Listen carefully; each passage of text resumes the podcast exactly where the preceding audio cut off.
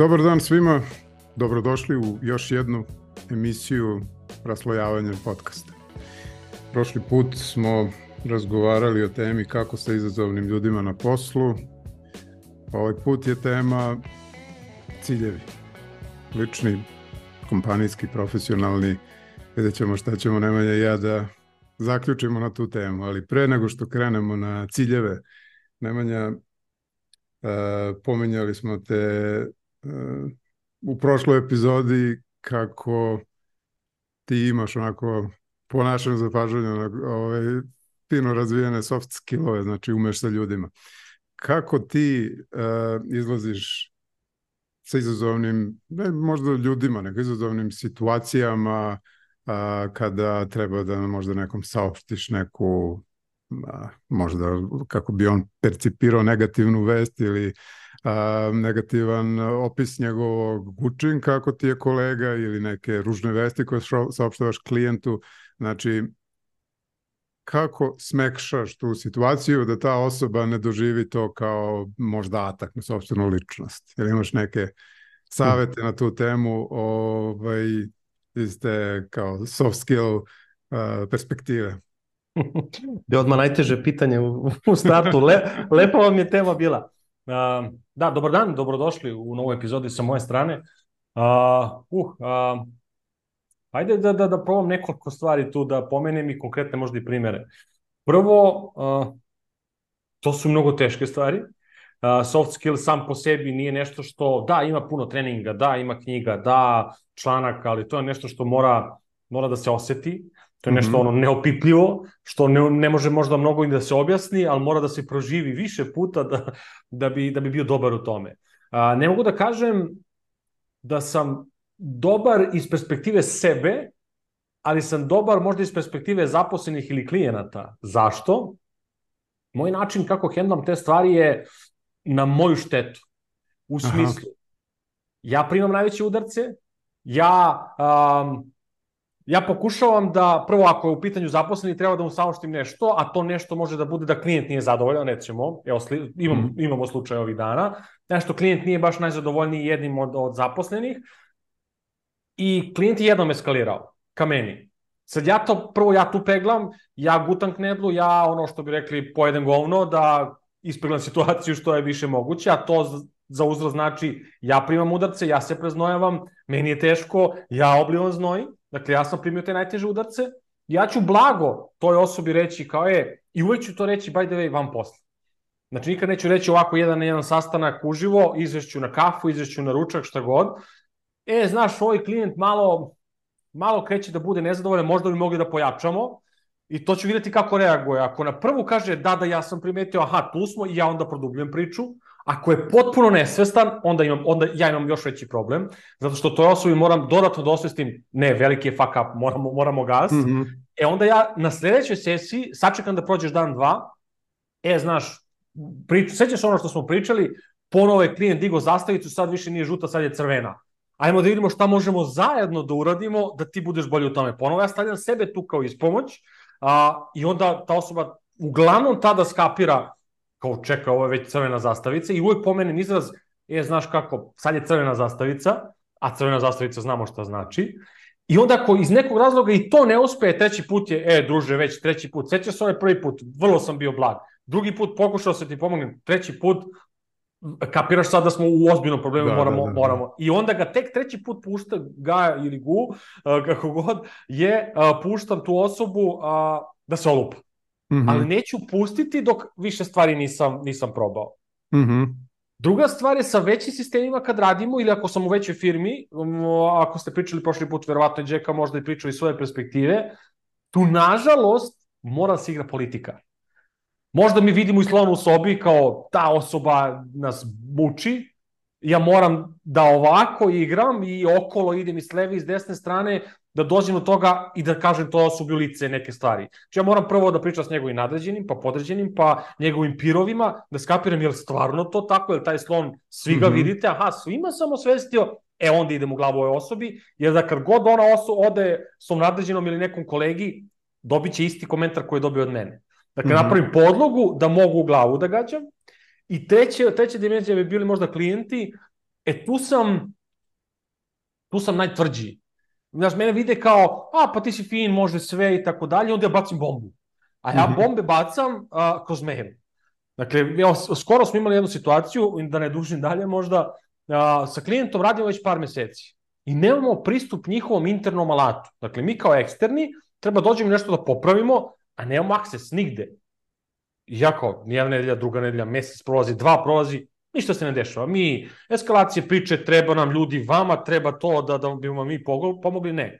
Ja napišem mail, ali mail, brat, bratu, treba ti 10 minuta da ga pročitaš. Mm -hmm. to, je, to je mnogo teksta koji nešto je boldovano, nešto je crveno, nešto je u caps look i tako dalje.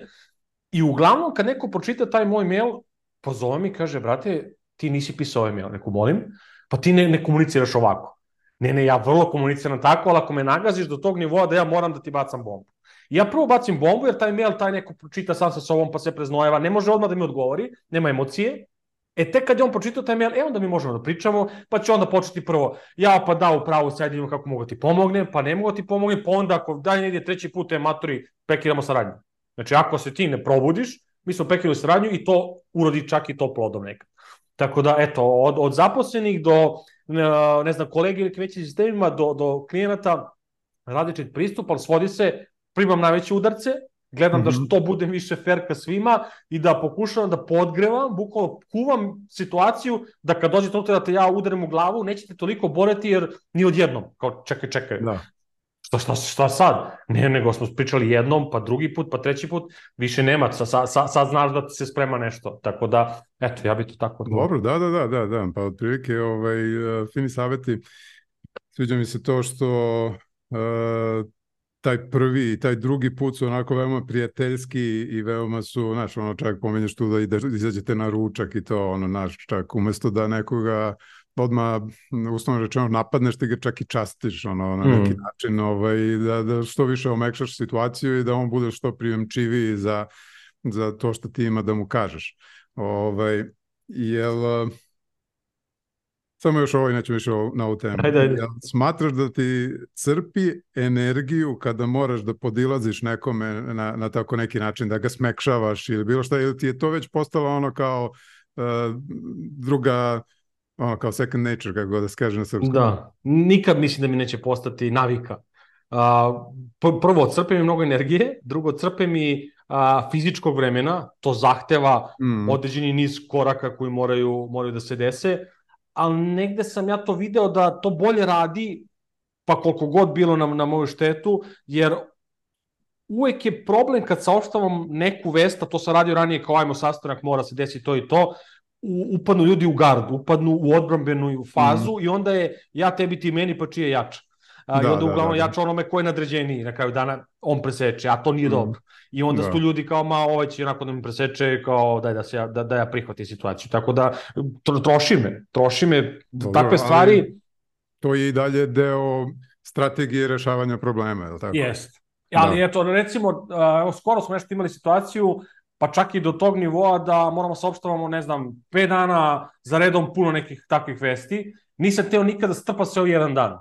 Jer mm -hmm. to bi me, to bi me baš bi me ono ubilo. Ne, jedan, jedna, dve osobe dnevno, pa onda možemo da pričamo mm -hmm. dalje, da raspodelim, nekako sebi rasteretim, rasteretim taj dan. Jer da, ja da. nakon toga i takvih situacija, bukvalno ovako, gledam u belo i da, da, da ono ništa ne razmišljam, ništa se ne dešava, jer sam imao pražnjenje uh, kroz, kroz, te, te razgovore i onda mi treba da se ja iskludiram potpuno, tako da, da. cool, dobro. E, ajmo mi e, na ovu današnju temu. Misija, vizija, ciljevi, to su one neke tri reči koje kad odeš na neki recimo kom, ne, ne kažem čak kompanijski sajt, nego da neki, neki sajt EPS-a, na primjer, ili tako neke mm -hmm. državne firme, znaš, onda vidiš to misija, vizija, ciljevi. Ja sam uvek to smatrao, ono, od kad sam klinac bio, pa na ovamo, šta je bre ovo, mislim kakve su ovo proforme, izreke i slično. Nikad nisam to do kraja kapirao. Ovaj, ali um, kako vreme prolazi, jel, kako ono, um, te život nauči raznim stvarima, shvatiš da to i tekako ima smisla. Imati misiju, imati viziju i onda dobre ciljeve da to sve i ostvariš. Ti i Džeka ste ono, fonovci, tako da vas to tamo uče, ovaj, dobijali ste i ocene za to. Da Driluju, da? Niste. Ajde, ovaj, ti kao ovaj, fonovac, da nam malo pojasniš, molim te, te emisije, vizija, ciljevi, da krenemo da raslojavamo ovo od, odatle. Ja mislim da je to ono kao krov svega. I da mm. ja nisam jedini koji je ono u fazonu čemu misija, čemu vizija, čemu ciljevi, došli smo ovde, brate, da zaradimo pare, radimo na kraju dana, do, ili dobit ću platu, ili ću ostvariti neku dobit, znaš, šta će meni misija da otvorim e, burekđenicu i da prodajem burek, jel možeš da ti svoje perspektive i uopšte ono iz profesionalne ove perspektive možda nam kažeš više o misiji, viziji i ciljevima, pa da krenemo odatle i da se spuštamo naniže ka ciljevima i da onda vidimo ono kako, kako definisati ciljeve da, da ostvarujemo tu našu misiju, viziju. Da, a, ajde pre nego što uopšte počnem, ne znam zašto se uhvati EPS-a, bukvalo se googlao dok si ti pričao, samo da pročitamo pa ćemo da pričamo bukvalo. Kod kod EPS-a, da li ima uopšte misiju? Kaže, misija EPS-a je da sigur, je sigurno snabdevanje, snabdevanje kupaca električnom energijom po tržišnim uslovima. Aha. A vizija je da bude društveno odgovorna i profitabilna kom, kompanija. Da. E sad, a, fon i to, jeste, učili su nas, ali evo ja i dan danas umem nekad da se izgubim šta je misija, šta je vizija, šta je stari i tako dalje. Ali da probamo na, na nekim plastičnim primjerima, da li je to bio burek ili šta god. Uh, Znači, misija po definiciji je nešto što opisuje zašto mi postojimo. Zašto nešto radimo. A vizija je kuda se krećemo. Odnosno, kako i kuda idemo da bi ostvarili našu viziju. Uh, lupam, ajmo daj dva primjera ću. Uh, prvi primjer je, evo ovih dana ja gledam da kupim stan. Dakle, moja misija je da ja obezbedim sebi i porodici, jel tako, udobno mesto za život gde ćemo živeti godinama unapred i gde će nam biti lepo da, da tu obitavamo i gajimo, gajimo porodicu. Mm -hmm. A vizija je da bi to ostvario, znači ja moram da kupim a, želim da kupim prostran stan koji neće mene a, opteretiti previše kreditom. Mm -hmm. Ja se tu da krećem, hoću prostran stan u nekom delu Beograda koji nije previše skup, da bi ostvario svoju misiju, a to je život u jednom udobnom stanu, u udobnom velikom stanu sa celom porodicom. Znači, to, to, to su dve, dve, dve, dve ključne bitne razlike. A, e sad, tu bi samo, ajde možda napomena, pa možemo i da diskutujemo, nekako prvi sam upadao u tu zamku, kao došao sam nakon fona, idemo, osnovno PHP Srbiju, pa pokrenuo svoju firmu, šta nam je misija, vizija, oko čega se okupljamo? Ček, ček, polako. A, nekada je prerano i pričati o nekoj misiji viziji ako nismo testirali nešto i videli da li radi ili ne. To je nama bilo recimo kad smo sa Grovitom krenuli, mi prve dve godine smo krenuli ovde u ovoj tački, a završili potpuno desno, jer smo pivotirali Aha. iz neki event managementa u neki agile coaching, agile implementation. Dakle, potpuno nam se promenila vizija, A mi smo se ubijali prve dve godine da skapiramo pa koja je naša misija, pa zašto mi tu postojimo, pa kuda se krećemo i tako dalje. Ne, čekaj da vidiš da ti dođeš do nekog nivoa da, da nešto radi, pa to što radi, ajde da bi ga ti skalirao jako i da bi to bilo uspešno, e tek onda misli da treba pričati o nekoj misiji, misiji i viziji. Jer džaba, recimo sad da se vratim ponovo na stan, džaba meni misija i vizija ovu koju sam ispričao za stan, a koja nemam para za taj stan. Pa ja mogu da maštam do preko sutra. Ajde da vidim da makar imamo neko učešće za stan, aha, evo ih žive pare. Čekaj, za, zašto, zašto se ja kupujem taj stan? I onda možemo da pričamo o tom. Da, da, da. Da, da, da li sam uspio da, da, da, da približim na tom nekom većem nivou? Od prilike, mada vidim, meni sad i dalje e, možda na tim primjerima misija i vizija koje sam čitao, nije jasno kako se ciljevi razlikuju od vizije. Kako se tvoja Aha. vizija da kupiš stan gde te rata kredita neće previše opteretiti razlikuje od cilja. Zar nije mm. tvoja vizija ujedno i cilj? Jeste ultimativni cilj. Dakle, moja vizija je ultimativni cilj koji kad bude ispunjen, ja sam bliže ili sam ispunio svoju misiju. Ali cilj je podskup vizije u smislu a, moja vizija je tako da kupim prostran stan koji neće puno da me košta. Ali da bi do toga došao, ja moram da se spustim nivo ispod. A nivo ispod je A, cilj mi je da do kraja leta skupim 35.000 evra a, za učešće. Mm -hmm. Cilj dva mi je da a, pronađe banku koja će mi dati povoljan kredit koji neće biti rata iznad nečega. Znači, mnogo opipljivije, mnogo merljivije, nešto što ću ja znati da kad prođe određeni period vremena, ja sam bliže ostvarenju vizije, samim tim bliže ostvarenju svoje ultimativne misije. Mm -hmm. e, to, to je recimo, to, to su razlike iz moje perspektive. Ne znam da li kako ti doživljavaš ciljeve, ali, ali ja ih tako gledam. Da, od prilike tako. Ciljevi su nam kao uh, sredstvo da dođemo do vizije. To je, tako je. Uh, tako je. pa kao recimo u project managementu što imamo uh, neke epike, evo, pa onda mm. epici se sastoje od nekih taskova. Onda ti kad završiš uh, sve taskove iz određenog epika, onda se završio epika, kad završiš sve epike iz projekta, onda se završio projekat, otprilike. Mm. Ovaj, možda, možda možemo to da poredimo za one koji, kojima je to ono ovaj, uobičajena praksa da koristi slične alate na poslu, recimo. Um, što se tiče uh, misije, odnosno, pa da, misije, Ajde da, da, da ti postavim, evo ja, ja tebi opet pitanje. Ukoliko je motivacija za osnivanje kompanije isključivo da se zaradi novac, mm da li će ta kompanija propasti ako dugoročno posmatramo zato što ona nema misiju i nema viziju? Dugoročno mislim da da. Kratkoročno mislim da ne. Je, ja bi to preveo ne u misija, nego vizija. Tipa, tvoja vizija je da kompanija bude profitabilna, ergo da vlasnici, suvlasnici zarade pare, Zašto? Zato što će ostvarenjem te vizije on ispuniti neku veću misiju. A misija može da bude, želimo da stvorimo okruženje, lupiću sad da developeri, ako je developeri su u pitanju, dolaze srećni ponedeljkom na posao. Mm -hmm. To je naša misija. Da bi mi ispunili tu misiju, mi moramo da budemo profitabilni, odnosno moraju vlasnici da budu srećni ili stakeholderi ili suvlasnici ili kako god. Ako oni nisu srećni, nemaju dovoljno para koliko su planirali, pa ovo ispunjenje misije će da propadne. Znači, neće imati developeri gde da imaju srećno mesto za rad. A ako se fokusiramo samo na misiju, želimo, želimo da zadamo više para, samo se postavljamo iz perspektive developera, što bi on tu radio. Znači, da, šta njega budi... Aha. Uzmimo recimo tvoj moj primer. Mi smo, ovaj, znamo se ono deseta godina uh mhm. -huh. unazad, radili smo zajedno i sad pre prošle godine smo se dogovorili ajde osnovimo zajedničku kompaniju koja će uh, pokušati da plasira srpske develop, developere, uslovno rečeno, i prodaje, mislim, srpsku pamet na evropskom tržištu. Eto, to nam je bio mhm. -huh. cilj. Ovaj, zašto smo se ti i ja našli? Zato što, eto, ja ono, ono, smatram da si skroz cool lik, da si profesionalan, volim da provodim vreme s tobom, cool mi je, družio bi se s tobom i da, i da ne moram. Ove, s jedne strane, s druge strane, ono, mislim da možemo da zaradimo pare, zašto imamo dosta iskustva u, u, u, toj, u toj oblasti.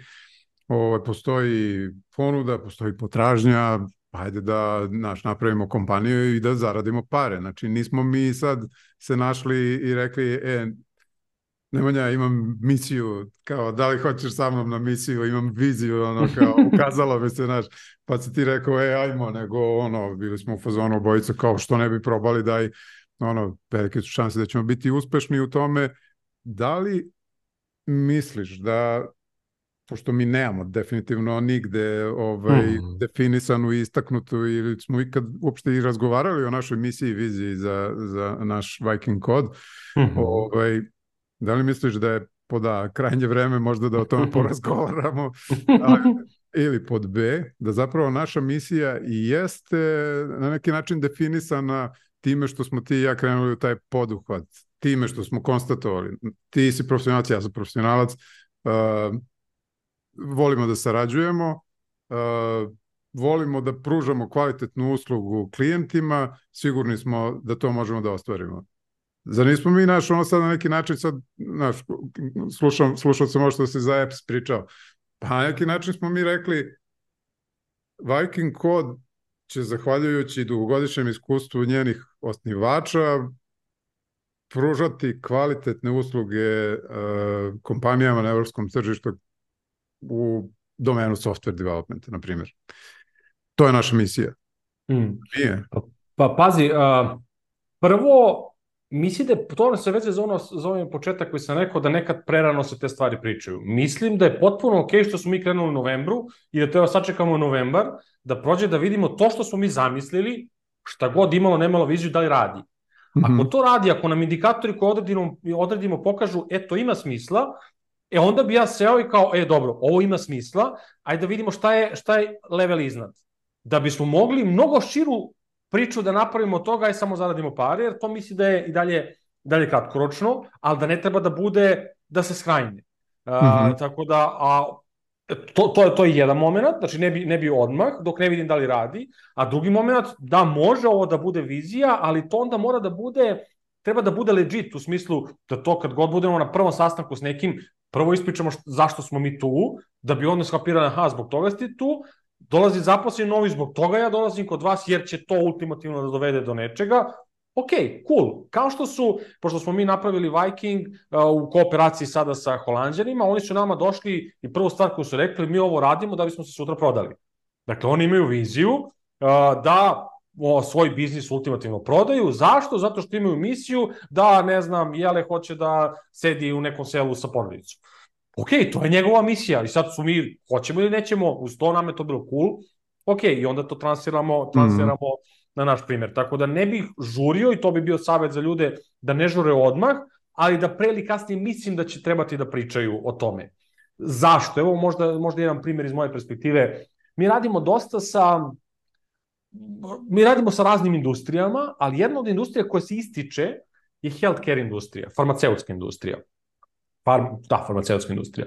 Mm -hmm. A, ljudi koji su tamo su možda naj i to u, u jednoj od, imamo, radimo sa nekoliko farmaceutskih, a u jednoj od su daleko iznad svih ostalih ljudi u drugim kompanijama. Mnogo su motivisaniji, mnogo, mnogo više izgaraju. I onda sam ja pokušavao da skapiram zašto. I mislim da sam došao do toga, a to je njihova vizija i misija te firme. -hmm. Šta kaže?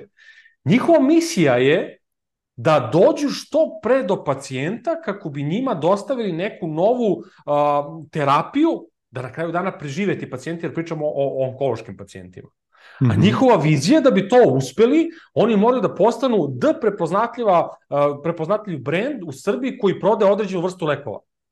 Znači, to je trajektorija koja se kreću da bi, ako postanu prepoznatljivi, oni će što pre doći do pacijenta taj pacijent će potencijalno preživeti taj nivo motivacije koji ti ljudi imaju da neke nove stvari implementiraju, da nešto urade novo, zato što znaju da ako se ubrzaju, bit će još bliže pacijentu. Misli da to njih toliko okuplja, da je to nevjerovatno, da, a to da, ne da, da znači da, da. oni neće zaraditi pare. I kako znamo da farmaceutske kuće zarađuju mnogo, dakle -hmm. njima je cilj svakako zarada, ali da bi oni okupili te ljude mimo zarade, oni moraju da imaju neki nivo iznad. Mm -hmm. I, I bukvalno se to vidi jedna firma, druga, ista industrija, ali ovi su mnogo motivisaniji. I onda sagledaš šta možda bude, pa jedino što se razlikuje, jer svi prodaju slične lekove, slične stvari rešavaju, slično znanje imaju, a ovi su više motivisaniji. Pa to je neka aspiracija koja ih sigurno vuče, nego ove druge kao mi bi samo zaradimo pare. Pa dobro, ja zarađujem pare, mislim, pa šta onda? A da, ovde da, kao, da. jao, pa ja kad se, ja se budim ujutro i kao, pa danas ću možda pomoći nekome da preživi. E, e, zato mislim da, da te vizije su bitne, ali nakon nekog trenutka, ne, ne u startu. Jeste, ja sam i u prošloj epizodi pominjao čini mi se Elon Muska i ajde pomenuću ga i u ovoj ovaj, vizija, to jest misija uh, njegove kompanije Tesla je to accelerate the world's transition to sustainable energy, znači da ubrza uh, tranziciju uh, sveta uopšte ka korišćenju održive, to jest, a možda i renewable, odnosno obnovljivih, mm. obnovljive Izvore, energije. Znači, ultimativno da se smanji um, zagađenje na planeti Zemlji. I njegova vizija, odnosno njihova vizija je da naprave a, kompaniju za proizvodnju električnih vozila za 21.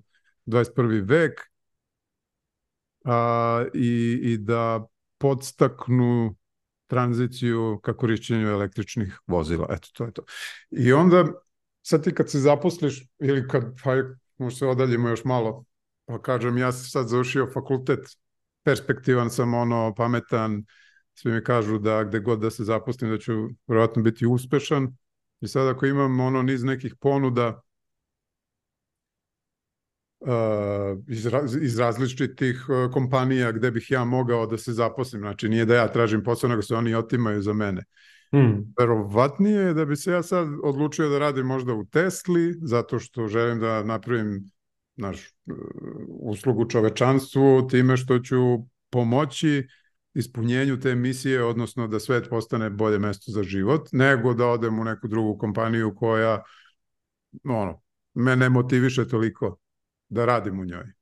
Tako da u tom smislu, eto, mislim, ono, najbogatiji čovjek na svetu ne mora istovremeno bude i najpametniji, ali recimo da, da postavlja, čini mi se, dobre motivacione ciljeve svojim zaposlenima, odnosno u svojim kompanijama, pa i ne samo svojim zaposlenima, nego i investitorima, jer ti ako imaš dobar cilj, dobru misiju, dobru viziju, lakše ćeš dobiti i novac za sve svoje poslovne poduhvate. Tako je. Jer, znaš, ljudska smo bića koja ipak više uh, funkcionišemo, mislim, možda ne više, ne, ne znam, sad zavisi, ali emotivna komponenta je za nas veoma važna nismo mašine, znači nije ono sad kao ej, idem da uložim pare tamo gde mi neki Excel spreadsheet kaže da ću više zaraditi. Ja ću skoro uvek uložiti pare tamo gde, gde me srce vodi, uslovno rečeno. Znači tamo gde osjećam gde sam mm. ošao baš za to, kao čovječe, hoću ovo da radim, znaš, ono ne interesuje me što ću zaraditi možda i tri puta manje nego da radim nešto drugo što me ne motiviše toliko. Tako da u tom smislu to je, to je ono Mislim, ogroman je, motivacioni faktor. Sigurno, sigurno. Mislim, samo bih postavio tu još, još jednu dimenziju. A, iz ugla zaposlenog. A, I tu ću se ograditi da pričam o, o zaposlenima koji su u nekoj našoj industriji. To je industrija koja je, ajde, dobro plaćena, da tako kažemo. Slažem se, ja potičem iz jednog malog mesta, ako pričamo o nekoj plati od 200, 300, 500 evra, kako god, a, da sad mani me vizije i ostalo, brate, ja imam životne egzistencijalne probleme da preživim, mani me vizije, daj da radim što više. To stavljam po strani. Pričam o industriji u kojoj smo mi, uh, smatram da postoji određena cifra nakon koje nije bitno više koliko zarađuješ. A to je, bit ću slobodan da kažem koja je cifra, za Beograd mislim da za neku prosečnu porodicu, ako ja doprinosim sa 2000 eura, pa sve preko toga koliko god, da sam ja, da ja mogu da vodim normalan život, da imam za stan, da imam za letovanje, da imam za neku normalnu klopu, da idem mm -hmm. po restoranima, mislim da je sasvim dovoljno. A takvih je, mislim, sve više ljudi koji su u tom nekom rangu i da će ih biti sve više, e onda takvim ljudima je bitnije gde idu, zbog čega, šta, šta je iznad plate. Mm -hmm. Dakle, tu više nije bitno, e, daš mi 10 soma, pa dobro, šta imaću bolje auto i, i šta, šta ćemo onda? Uh, mo, mo, moram da imam još nešto više iznad toga, zašto bih ja baš radio kod tebe ili kod tebe ili kod tebe, a to su upravo misije i vizija koja, koja, zbog kojih se ja budim ujutru kao, e, idemo sad, mm -hmm. Lupiću sad, do, do, došao je u Beograd Rivian ili kako se već zove, I koja je sad njihova vizija? Pa idem, idem tamo, zato što oni, ne znam, pokušavaju kao Tesla da prave električne automobile. Više mi nije interesantan BMW, mislim, ono, mm -hmm. pa Sesu ili šta god, ili imaju drugu viziju ili nemaju istu viziju i tako dalje i tako dalje. Da, tako da, da, eto, ja, mislim, mislim da zbog toga je bitna misija i vizija u, u, u tom segmentu. Um, da li ti imaš, odnosno da li deliš moje mišljenje da mnogi ljudi se žale na svoj život i fazonu su, ono, u mom životu se ništa pametno ne dešava, ne, ne znam kako da, da promenim moj život, da bude bolji. I onda kad, mislim, se malo udubim, ukoliko poznajem dobro tu osobu, možda i kroz razgovor dođem ovaj, do zaključka da ti ljudi nemaju postavljene jasne ciljeve u svom životu. A, a kad nemaš jasno postavljen cilj, onda je teško istići do njega. Nije ni to uvek problem. Problem su možda i kontradiktorni ciljevi, znači nešto što pokušavaš da uradiš, odnosno imaš više ciljeva koji su suprotstavljeni, pa ispunjavanjem jednog, onda možda a, otežavaš ispunjavanje drugog i obrnuto, pa onda ne možeš da ispuniš ni jedan ni drugi, uvek postoji neko trenje. Ali hmm. a, uopšte ciljevi mislim, postoji tu jedan članak koji je, koji je Miloš podelio sa nama, koji se bavi zapravo uh, tom temom šta su dobri ciljevi, šta su loši ciljevi. Um, ukoliko nisu postavljeni kako treba, znači nisu adekvatno definisani i slično, mislim, ne možeš ni da ga ispuniš. Onda, onda, si, onda si ti taj koji se stalno žali na sobstveni život, a zapravo si sam kriv što nisi seo i jasno definisao cilj. Pa ne samo da se slažem, nego i vidim u mojoj okolini. Uh, a šta vidim? Vidim da ljudi žive tuđe živote, odnosno da žele mm. da žive tuđe živote. Da nisu baš sigurni gde su oni tu i šta oni zapravo žele i šta je za njih, za njih ultimativni cilj. Uh, čak mislim da, okay, da, je, da je to i u neku ruku ok što ne znam gde hoću, ali mnoge od njih ne znaju ni šta neće. A, a to je nekad možda čak i bitnije, kao dobro, ajde, ajde imamo šta neću. Nego da. jure neke avione, kamione, bez nekog posebnog razloga, samo da bi se hvalili, dičili time, stavili na Instagram, TikTok ili gde već, a, i mislim da to stvara problem.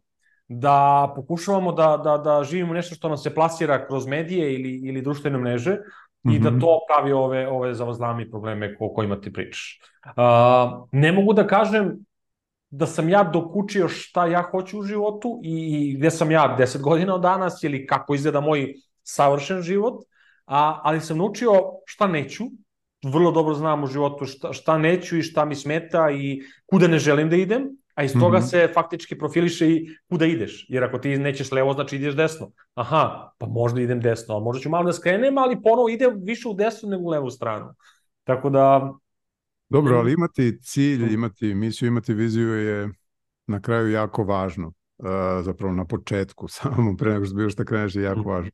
Ja sam, ovaj, pominjao sam ti ovo kad smo pripremali ovu emisiju, ono, veliki sam fan Alvirovića i njegove automoto emisije. ovaj, I on sad daje savet kako da na, usko, na uskom putu prestigneš kamion. Uh, I sad kamion ti je zauzeo već, mislim, celu desnu traku, ostalo ti je malo prostora u levoj i sad ono, provlačiš se kako da izbegneš da se sudariš u kamion. Kaže, nemoj nikad da gledaš u kamion, zato što auto ide tamo u onom pravcu u kom gledaš. Zamisli ispred sebe pravac i prati taj pravac pogledom i auto će sam od sebe da ide to, po toj sredini, budi siguran nećeš zakačiti kamion.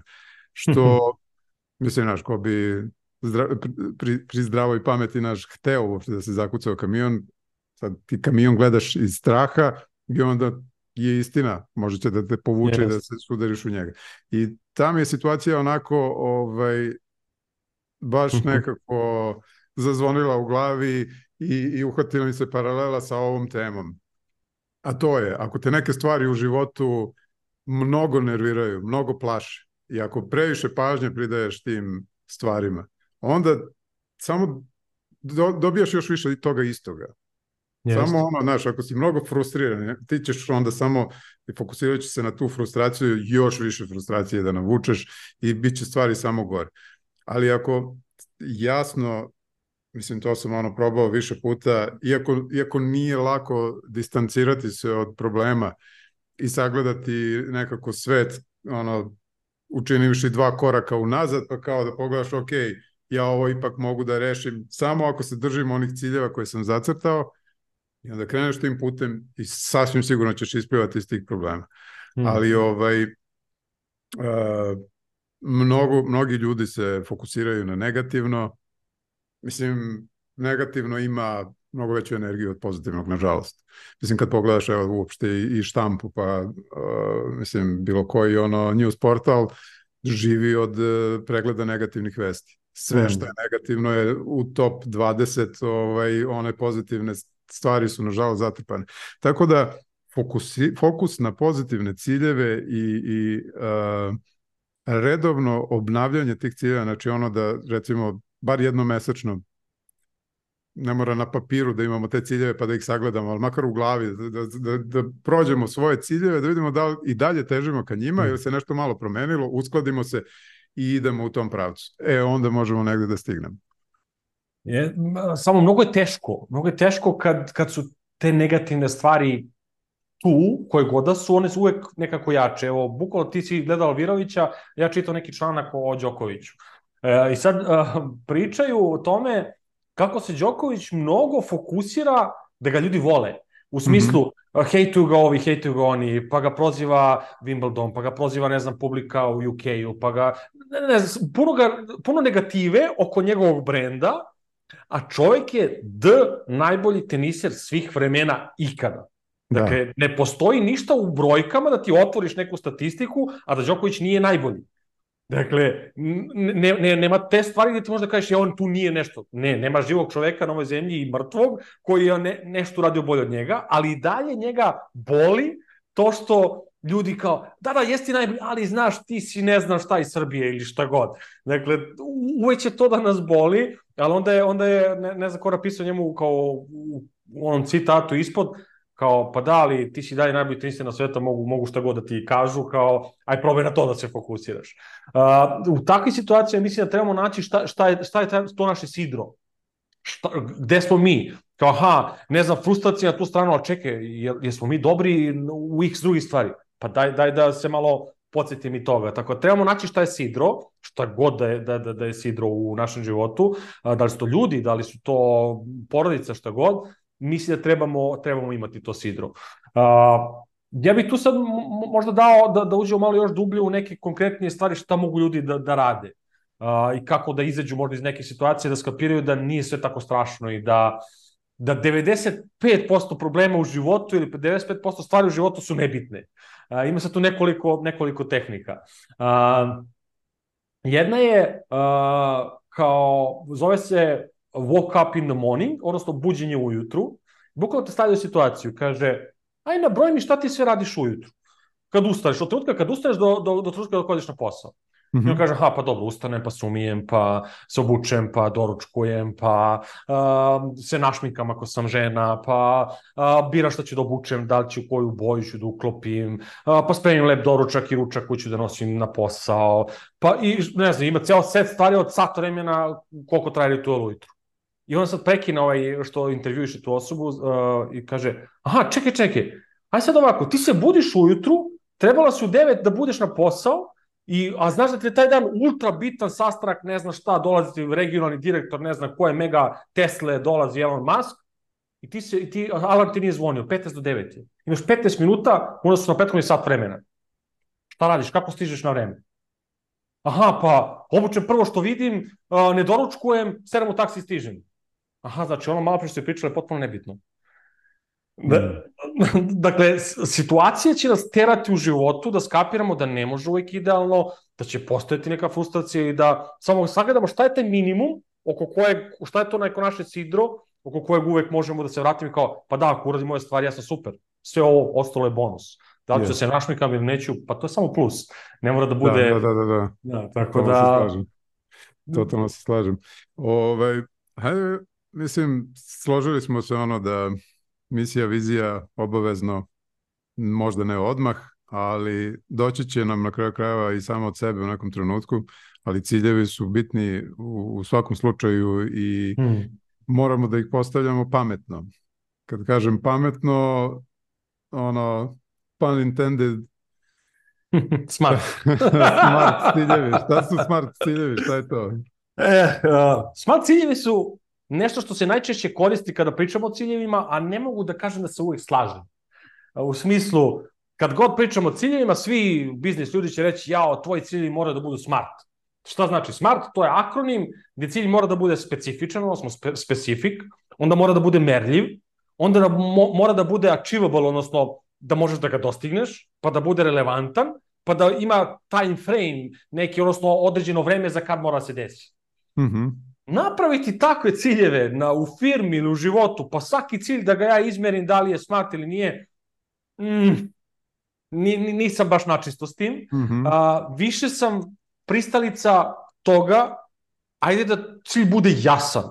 Da i ti i ja kad kažemo, je, hoću da ova lopta bude crvena, zelena, a, da, da se slažemo da ta lopta treba bude zelena i da je ovog obima. A ne mm -hmm. treba bude lopta, pa ti napraviš crvenu i ja zelenu. E, onda nije bio jasan cilj. A to da li ćemo mi da izmerimo ili nećemo, ne, mislim, da, mislim da, da, da nije toliko krucijalno. Ne znam da li se slažeš, ali ja bih to rekao za smart cilje kao jedno od, a ima ih još tehnika. Pa jeste, mislim, evo, baš taj članak koji ne bi bilo loše ovaj, da priložimo i link ka tom članku kad budemo objavljivali ovu epizodu. Uh, režija, seti se toga. Uh, Ko imamo više od ovih pet, više od ovih pet smernica, pa ajde da, da ovaj, pokušamo malo da, da, da analiziramo malo du, dublje to. A, evo recimo uh, merljivost. Uh, kažu da dobar cilj ne, žrt, ne žrtvuje uh, značajnost samog cilja zarad merljivosti. -hmm. Što znači, ne treba podrediti krajnji ishod određenog cilja time da ga učiniš merljivim. Zanimljivo. O, šta bi to u praksi moglo da znači? U praksi bi to moglo da znači da ako je meni potrebno 90% vremena da učinim cilj merljivim, a 10% vremena da ga realizujem, pa da li je taj cilj da li je bitan? Dobar i bitan, mm. mislim, vredan mog vremena ili ne samo mog vremena, nego vremena kompanije i tako dalje. A, možda nešto i na kraju i nije merljivo, možda nešto proizvodi emotivni efekat nad nekim koji ne možeš da izmeriš nikako, ovaj, ili ga je jako teško izmeriti, samim tim ne mora da znači da, da je cilj loš ako nije merljiv. Jel? Hmm. A, dalje, ukoliko je kompanijski cilj kaže da cilj je dobar ukoliko podstiče timski rad. E sad, pogotovo u sales oriented organizacijama, znači onim koje su orijentisane ka prodaji, tamo se podstiče e, konkurencija. Nekad imaš naš ono timove ili pojedinačno prodavce mm. koji, koji namerno im se daju neki ono ciljevi um, kao najbolji prodavac ovog meseca dobija bonus i onda se oni uslovno rečeno kolju međusobno, što u principu ne postiče timski rad. E sad, možda je to u, u, u sales organizaciji ok, ali nije ok, na primjer, u, u nekoj organizaciji gde ljudi treba da um, kreativnim radom možda doprinesu da, da se taj cilj ispuni. U tom slučaju, pa mislim da je to ono pogubno, jel? Pa ja mislim, aj, ne bih sales zapominje, jer u salesu čak i daju ciljeve koji nisu ostvarivi, ono, kako, yes. kako smo rekli da, malo, uh, tangible, totalno, achievable, šta god. Totalno naopak u, u odnosu na, na kompletnu ovu temu, ovaj, znači, neko ima osjeća da je u salesu sve upside down u odnosu na ovo što smo pričali. da, da, da. Uh, da, ajde da, da, da ne pominjemo sales, a, a sviđa mi se ova analogija, pogotovo ta, taj emotivni moment Zamisli da imamo mi cilj u poslu gde je cilj da nezaposleni bude srećan. Kako, mm -hmm. kako ja to da izmenim? Šta kako, toplomer, pa mislim, znaš, ne, da. ne može, a, a može da znači puno. Može da donese mm -hmm. puno. Tako da ne, ne bi se uopšte stresirao da to bude, ne znam, tik, tik, tik, ispunili smo sve, a cilj, plop, uh, ni, ne vredi. Tako da, da, da, da. Ja, to sviđa mi se, sviđa mi se ta analogija. Jeste. Onda, na primjer, vezano za ovu relevantnost iz, iz ovog smart akronima, uh, Možda tu možemo da ubrojimo i refleksiju, zato što um, dobar cilj bi trebao da podstakne refleksiju, odnosno osmatranje, osmatranje cilja iz različitih uglova, uopšte ne samo cilja, nego i problema koji je taj cilj postavio da je potrebno da se reši, postiče kreativno razmišljanje i tako dalje. Dok Eto, ja sam bio svedok, e, pogotovo u većim organizacijama gde su ljudi nekako možda, ne znam kako da kažem, umorni, ajde da kažem, od posla, pa oni postavljaju ciljeve pro forme. Tipa, a, znaš da kompanija ima za cilj da, otko znam, izbaci, izbaci 10 nekih fičera mesečno za, za svoj proizvod i onda ono ne radi ti se kao ajde ovih pet ima smisla, ali moram da dopunim još ovih pet, ma nek ide šta god ono daj, daj samo da promenimo font na sajtu ili nešto ono što ne nikakve da. veze. Ovaj, tako da refleksija opet i u kontekstu ove šire priče da se uvek vratimo na, da sagledamo ciljeve a, i karakteristika pojedinačnih ciljeva A i refleksija je prva tema koja je bila raslojavanje. Baš sam teo da kažem, da, pr prva epizoda, mislim, koje god cilje da postavimo u kom god formatu, u kom god obliku, kako god, ako se ne reflektujemo da nakon nekog vremena tri meseca, šest meseci, ne duže od toga, ajde, možda čak za neke stvari godinu dana, ali to je predugačko. Ako mi ne vidimo unazad, je li idemo ka tome ili ne, taj cilj pa nije ni bitan, mislim, da li znamo da mi idemo ka njemu ili ne, nismo baš sigurni. Dakle, mhm. refleksija, mm -hmm. mislim da je, da je suština svega, pa čak i ciljeva, ako ne reflektujemo, džaba nam ciljevi, džaba sve. Da. da. Tako ćemo znati i da li ispunjavamo i viziju i misiju. I tu treba refleksija. Tako. Možda, možda mnogo ređe, ali ajmo jednom u godinu dana, je ta naša misija je daleko 10 godina od danas ili 5? Jesmo bliže ili nismo bliže? Mislim Tako da je bitno. E sad, uh, iako smo mi postavili misiju i viziju kao kišobran iznad svega i iznad toga postoji nešto što, što je veće od toga, to je recimo integritet ličnosti ili neki integritet kompanije. Hmm. Uh, ako cilj gazi bilo šta od nekih osnovnih principa koje je ta ličnost postavila, raz, razni ljudi smatraju razne stvari da su više ili manje nemoralne recimo, pa ako cilj uh, udara recimo na nečiji moral, ja mislim da, da to onda nije dobar cilj zato što ćeš imati uvek neki unutrašnji otpor ka tom cilju. Uvek tu će biti ne, ne, neko trenje. Da, mislim, tu da, nismo pomenuli danas, a to o čemu ti pričaš su vrednosti. Vrednosti, tako je. Mora, mora da, da uskladimo cilj uopšte sa, sa sobstvenim vrednostima i sa vrednostima kompanije, zar ne? Jest, jest. Mislim, te vrednosti su izuzetno bitna stvar, ali vrednosti su, ajde, podskup svega ovoga, od čega ne odstupamo, a to utiče na sve iznad, to je taj integritet.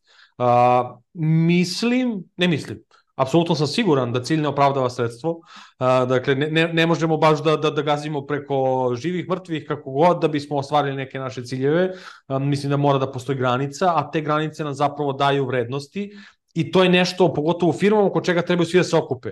To su naše vrednosti, mimo toga ne idemo, A ako je u okviru toga, ok, onda idemo dalje i onda cilj opravdava sredstvo. Ali to znači da nismo pogazili to ko smo mi i šta smo mi. Tako je. I ako može se postavi na ličnom nivou šta, šta god to bilo, Lupiću, ajde da, da ne smo nam sad sa, sa ličnim ciljevima, ali bukvalno na ličnom nivou svako ima neku vrednost iznad koje ne ide.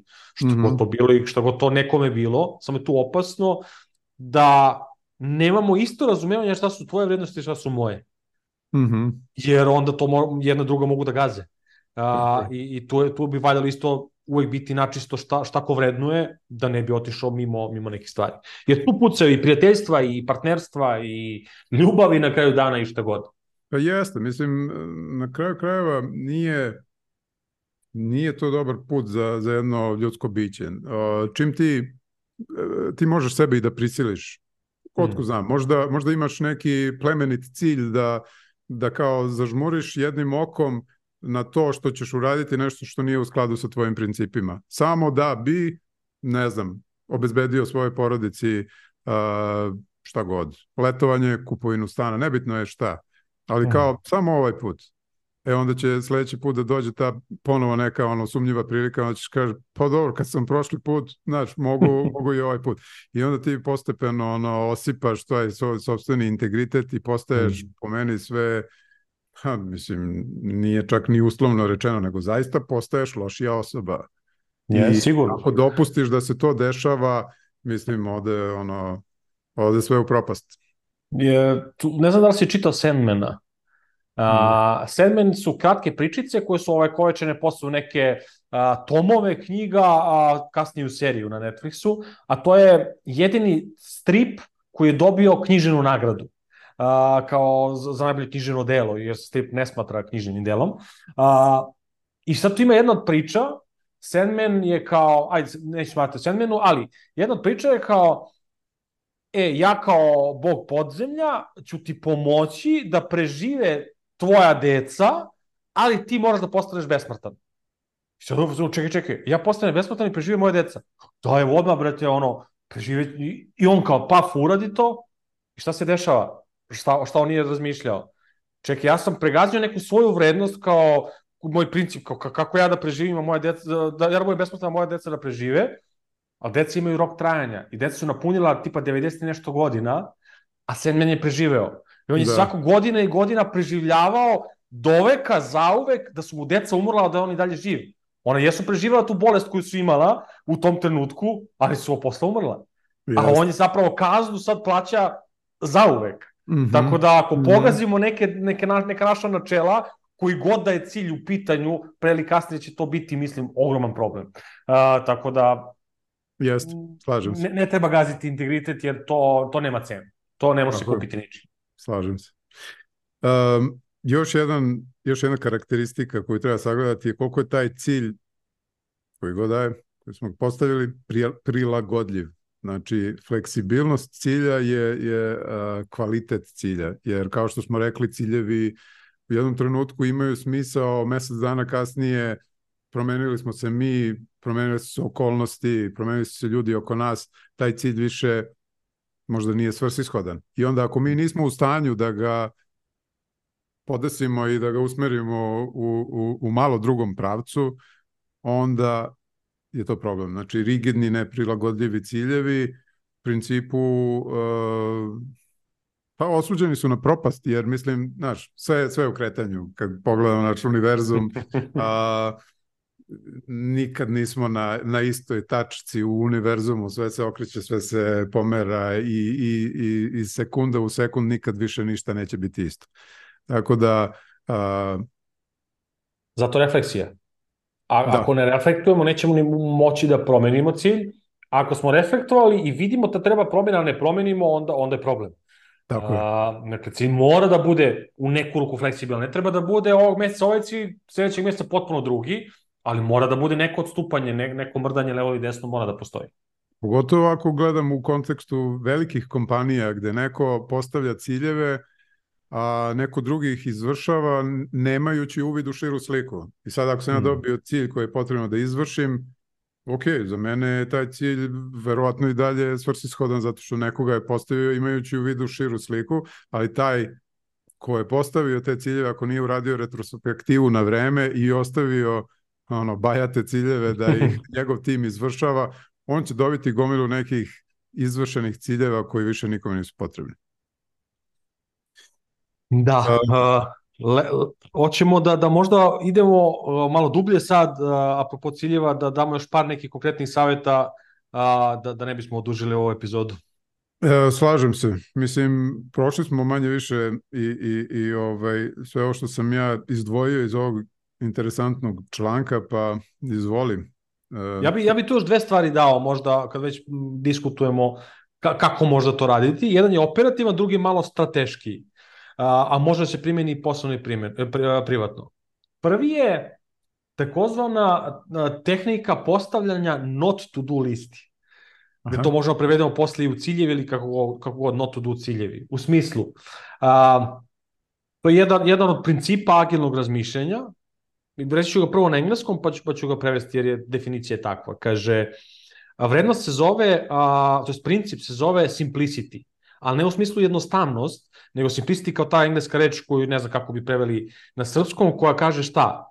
Uh, the art of the amount of work not done. Dakle, umetnost uh, posla koji neće biti urađen. Mm -hmm. U smislu, ajde da provodim se ja ujutru, da vidim šta ću da radim danas. Ajde da poslužim 50 stvari. Šta od tih 50 stvari neću da uradim? Hmm. Dakle, da idemo u kontrasmeru, ako ne šta ću da uradim, jer možda se uradi svih 50. A da li je bitno svih 50? Kao ono buđenje. Ne, od ovih 50, ovih 40, pa i ako se ne ostvare, nisu bitne. Ovih 10, e to je naša D to do lista tog dana. Dakle, to je potpuno onako malo drugačija filozofija. Šta ja neću da uradim danas od ovih svih stvari, ono što ostane, to zapravo hoću. Samo nas, postavlja, samo nas postavlja u, u drugačijem razmišljanju da razmišlja šta mi nije bitno. Jer ako mm -hmm. kažeš šta je bitno, pa sve je bitno. Svima je sve bitno. I onda ako postaviš za potpitanja, pa ti stvarno bitno, a pa baš i nije. Uh, pa čekaj da. da pričamo o tome šta ti nije bitno, pa će ono što ostane, to je zapravo, zapravo jako bitno. Jeste, to su ono, ajde da ih nazovem mikrociljevi i zato nije dobro u prvih 15 e, minuta radnog dana čitati mailove, zato što u mailovima su tuđi ciljevi. da, u mailovima svi vrište ja prvi, ja prvi, ono, reši mene, reši mene i onda ti naš, ono, kad vidiš kako u, vidi njemu gori, ovom isto gori, da porešavam to, a nisi uradio ovo što si ti sad pomenuo, nisi napravio ono, checklistu svih ciljeva koje imaš za taj dan, ok, tu su i ti mailovi, ali daj da vidimo šta od toga neću uraditi zato što mi nije toliko bitno. Jest, jest. Evo ja imam primjer u, na poslu kod mene kolega jedan, bukvalno sad pričamo i mail je došao pre pet minuta i on me zove, jesi vidio mail? A hitno. Čekaj, brate, stani. Prvo nisam video mail, drugo i da, da sam ga video, znaš, ne, ne možemo odmah da reagujemo na sve. Stani da vidimo, daj diši. Tako da neka često mi skačemo odmah na prvu, a, a ne uradimo tu prioritizaciju šta nećemo da uradimo, pa sve ostalo je manje bitno. A, ali jeste jedna tehnika. A ja druga, ko, ko, koju... Ma, Aha. upam ti samo, te, samo da se osvrnem na GTD princip, ovaj getting A, da. done. Ako možeš da ga uradiš za manje od koliko reče, dva minuta, minuta ajde, dva minuta. ili dva minuta, možeš da ga uradiš, ovaj, inače ide na, na listu. I, ide jednog dana. A, druga stvar koju sam ja koristio lično kad sam teo da smršam, znači ja sam bio onako poprilično veliki, sećaš se tog perioda, a, ja sam uspeo da smršam neki 15 kg. A, tehnika se zove Improvement Team i nastale u Toyoti, automobilskoj industriji. Mm -hmm. Da oni kažu, imamo četiri kocke, posmatamo četiri kocke. Kaže, pos, a, definiši, a, a u vezu sa svim ovim dana što smo pričali, definiši svoj awesome state. Dakle, definiši ono što je ultimativno želiš da postigneš, pa definiši levo koji je tvoj trenutni problem ili trenutna situacija, gde si sada, definiši kada želiš da vidiš sledeći, sledeću promenu. Znači, na koliko vremena želiš da vidiš sledeću promenu i definiši prve tri stvari koje ćeš uraditi. Zašto? Ako ti definišeš gde želiš da budeš i definišeš gde si sada, ti ćeš tipa na mesec dana ako definišeš da, da hoćeš da vidiš sledeću promenu, sa ova tri prva koraka već korak biti bliže do ostvarenja svog awesome state. Šta da, je meni da. bilo? Meni awesome state bilo ja hoću da imam trbušnjake. Gde sam danas? Danas sam na 110 kila. To je bilo pre 5 godina koliko je bilo. Kad hoću da vidim promenu, hoću mesečno da vidim promenu. Koje su bile prve tri stvari koje, koje radim? Prvo upisujem teretanu, drugo izbacujem Coca-Cola, treće počinjem neki sport. I bukvalo sam iz meseca u mesec bio bliže svom osam state-u. Ta osam state nikad neću da ispunim, jako je daleko, ali sam ja radeći na tome da postignem svoj ultimativnu, ultimativni cilj, napredovo puno, 15 kg smrša. Tako je, to možemo da, da, da primenimo i na posao, i na, na život, na šta god. Mislim da je jako dobra tehnika, i da je jednostavna, samo biti, treba biti iskren, gde si sada i gde želiš da budeš, to često ne znamo, ali tako pričali smo o tome, ali ako to uspemo da rešimo, onda korak po korak, e sad tu ima momena, tu mora da se radi. Znači, tri korak, pa mora da se desi u tih mesec dana. Tako A ne, aha, tri korak, pa za tri meseca, pa ne znam, gde sam, šta sam, to, Toyota mnogo pametna kompanija, oni su smislili agilno i vidiš šta sve yes. iz njih, ovaj, ali to, to je uh, sličan princip i u ah, veoma popularnom zakonu pri, privlačnosti, law of attraction. Mm. Mm -hmm. on dolazi od bukvalno iz vremena Napoleon Hilla i njegovog uh, uh, kako već se zove knjiga Think and Grow Rich, Znači, to je prvi put, ovaj, ja mislim da je neko uveo, možda, možda i grešim, pa do današnjeg dana svi prežva, prežvakavaju to na razne načine šta je zakon privlačnosti. Nije nikakva magija. To je prosto ovo sve što smo ti i ja pričali. To je definiši jasno cilj mm. i vizualizuj taj cilj dok se on ne ispuni. A kroz vizualizaciju to, to ispunjenja cilja ti zapravo uh, činiš određene korake u ispunjenju tog cilja. Na primjer, ti sad hoćeš da, da kupiš stan. To, to je tvoja ono vizija, mm. tvoj, tvoj ono uh, cilj koji, koji si vizualizovao i želiš da ispuniš. Znači, prvi korak što ćeš da uradiš je da, ne znam, pogledaš u oglasima koliko su stanovi u delu grada, a, koji te najviše interesuje. Čim si saznao, naš, cene stanova, ti već smišljaš i sledeći korak. Sledeći korak je ono da je da pogledam banke koje daju uslove za kredite. Treći korak, kad sam saznao koji su uslovi za kredite, znam kolika mi je osnovica potrebna. Ok, treba mi toliko para, kako da dođem do toliko, to je količine para. I naš, i sad, kao Just. ljudi kažu, magija je naš, ostvario mi se cilj, kao došao sam do stana. Nije nikakva magija, korak po korak. Da, samo što je to, znaš, kako maskirati i prevariti tvoj svoj sobstveni um da to ne izgleda kao težak i neostvarljiv posao. Ali u stvari, znaš, ono korak po korak mi stižemo do cilja koliko god on težak bio. Da, hoćeš da skineš ovaj, 15 kila, imaš trbušnjake, pa će to trajati godinama, da hoćeš da kupiš stan, Pa će i to možda trajati godinama, ali ako ideš korak po korak, stići ćeš, ako si uporan u postavljanju kvalitetnih ciljeva, u refleksiji i reorganizaciji tih ciljeva, ono kako bi stigao jednog dana tamo, pa mislim da ono nema šanse da, da ne ispuniš taj cilj, koji god taj cilj realno bio. Pot, potpuno saglasan. Potpuno saglasan. Ovaj... Mislim da smo malo pričali o toj vizualizaciji koja je Jest. izuzetno bitna. Da li to pišemo negdje ili crtamo. Ima jedna stvar, neću, neću da dužim, Atomic Habits, čitao si atomske navike, mm -hmm. možda ako niste čitali prelistajte, interesantna knjiga. Ja, samo jednu stvar ću opisati. On kaže da bi stvorio naviku za nešto, ovde priča u bukvalno navici da konstantno nešto radimo, kaže stavi u fizičkom prostoru nešto. Tipa on baš pominje taj moment vežbanja i mršavljenja.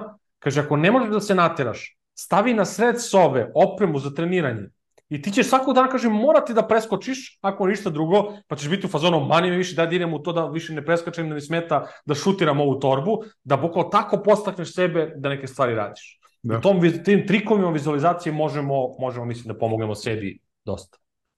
Interesantna je ova tema, mogli bi da je raslojavamo do sutra, ja imam osjećaj, ovaj, ali hajde da, da privodimo kraju. Pričali smo danas o misiji, viziji, ciljevima iz perspektive kompanija, iz perspektive pojedinaca, šta je to što razvaja loše ciljeve od dobrih ciljeva, koje su karakteristike dobrih ciljeva u kontrastu sa, sa, sa lošim, pomenuli smo i, i smart ciljeve, pomenuli smo i not to do liste i na kraju završili sa zakonom privlačnosti i mislim da smo fino raslojili ovo.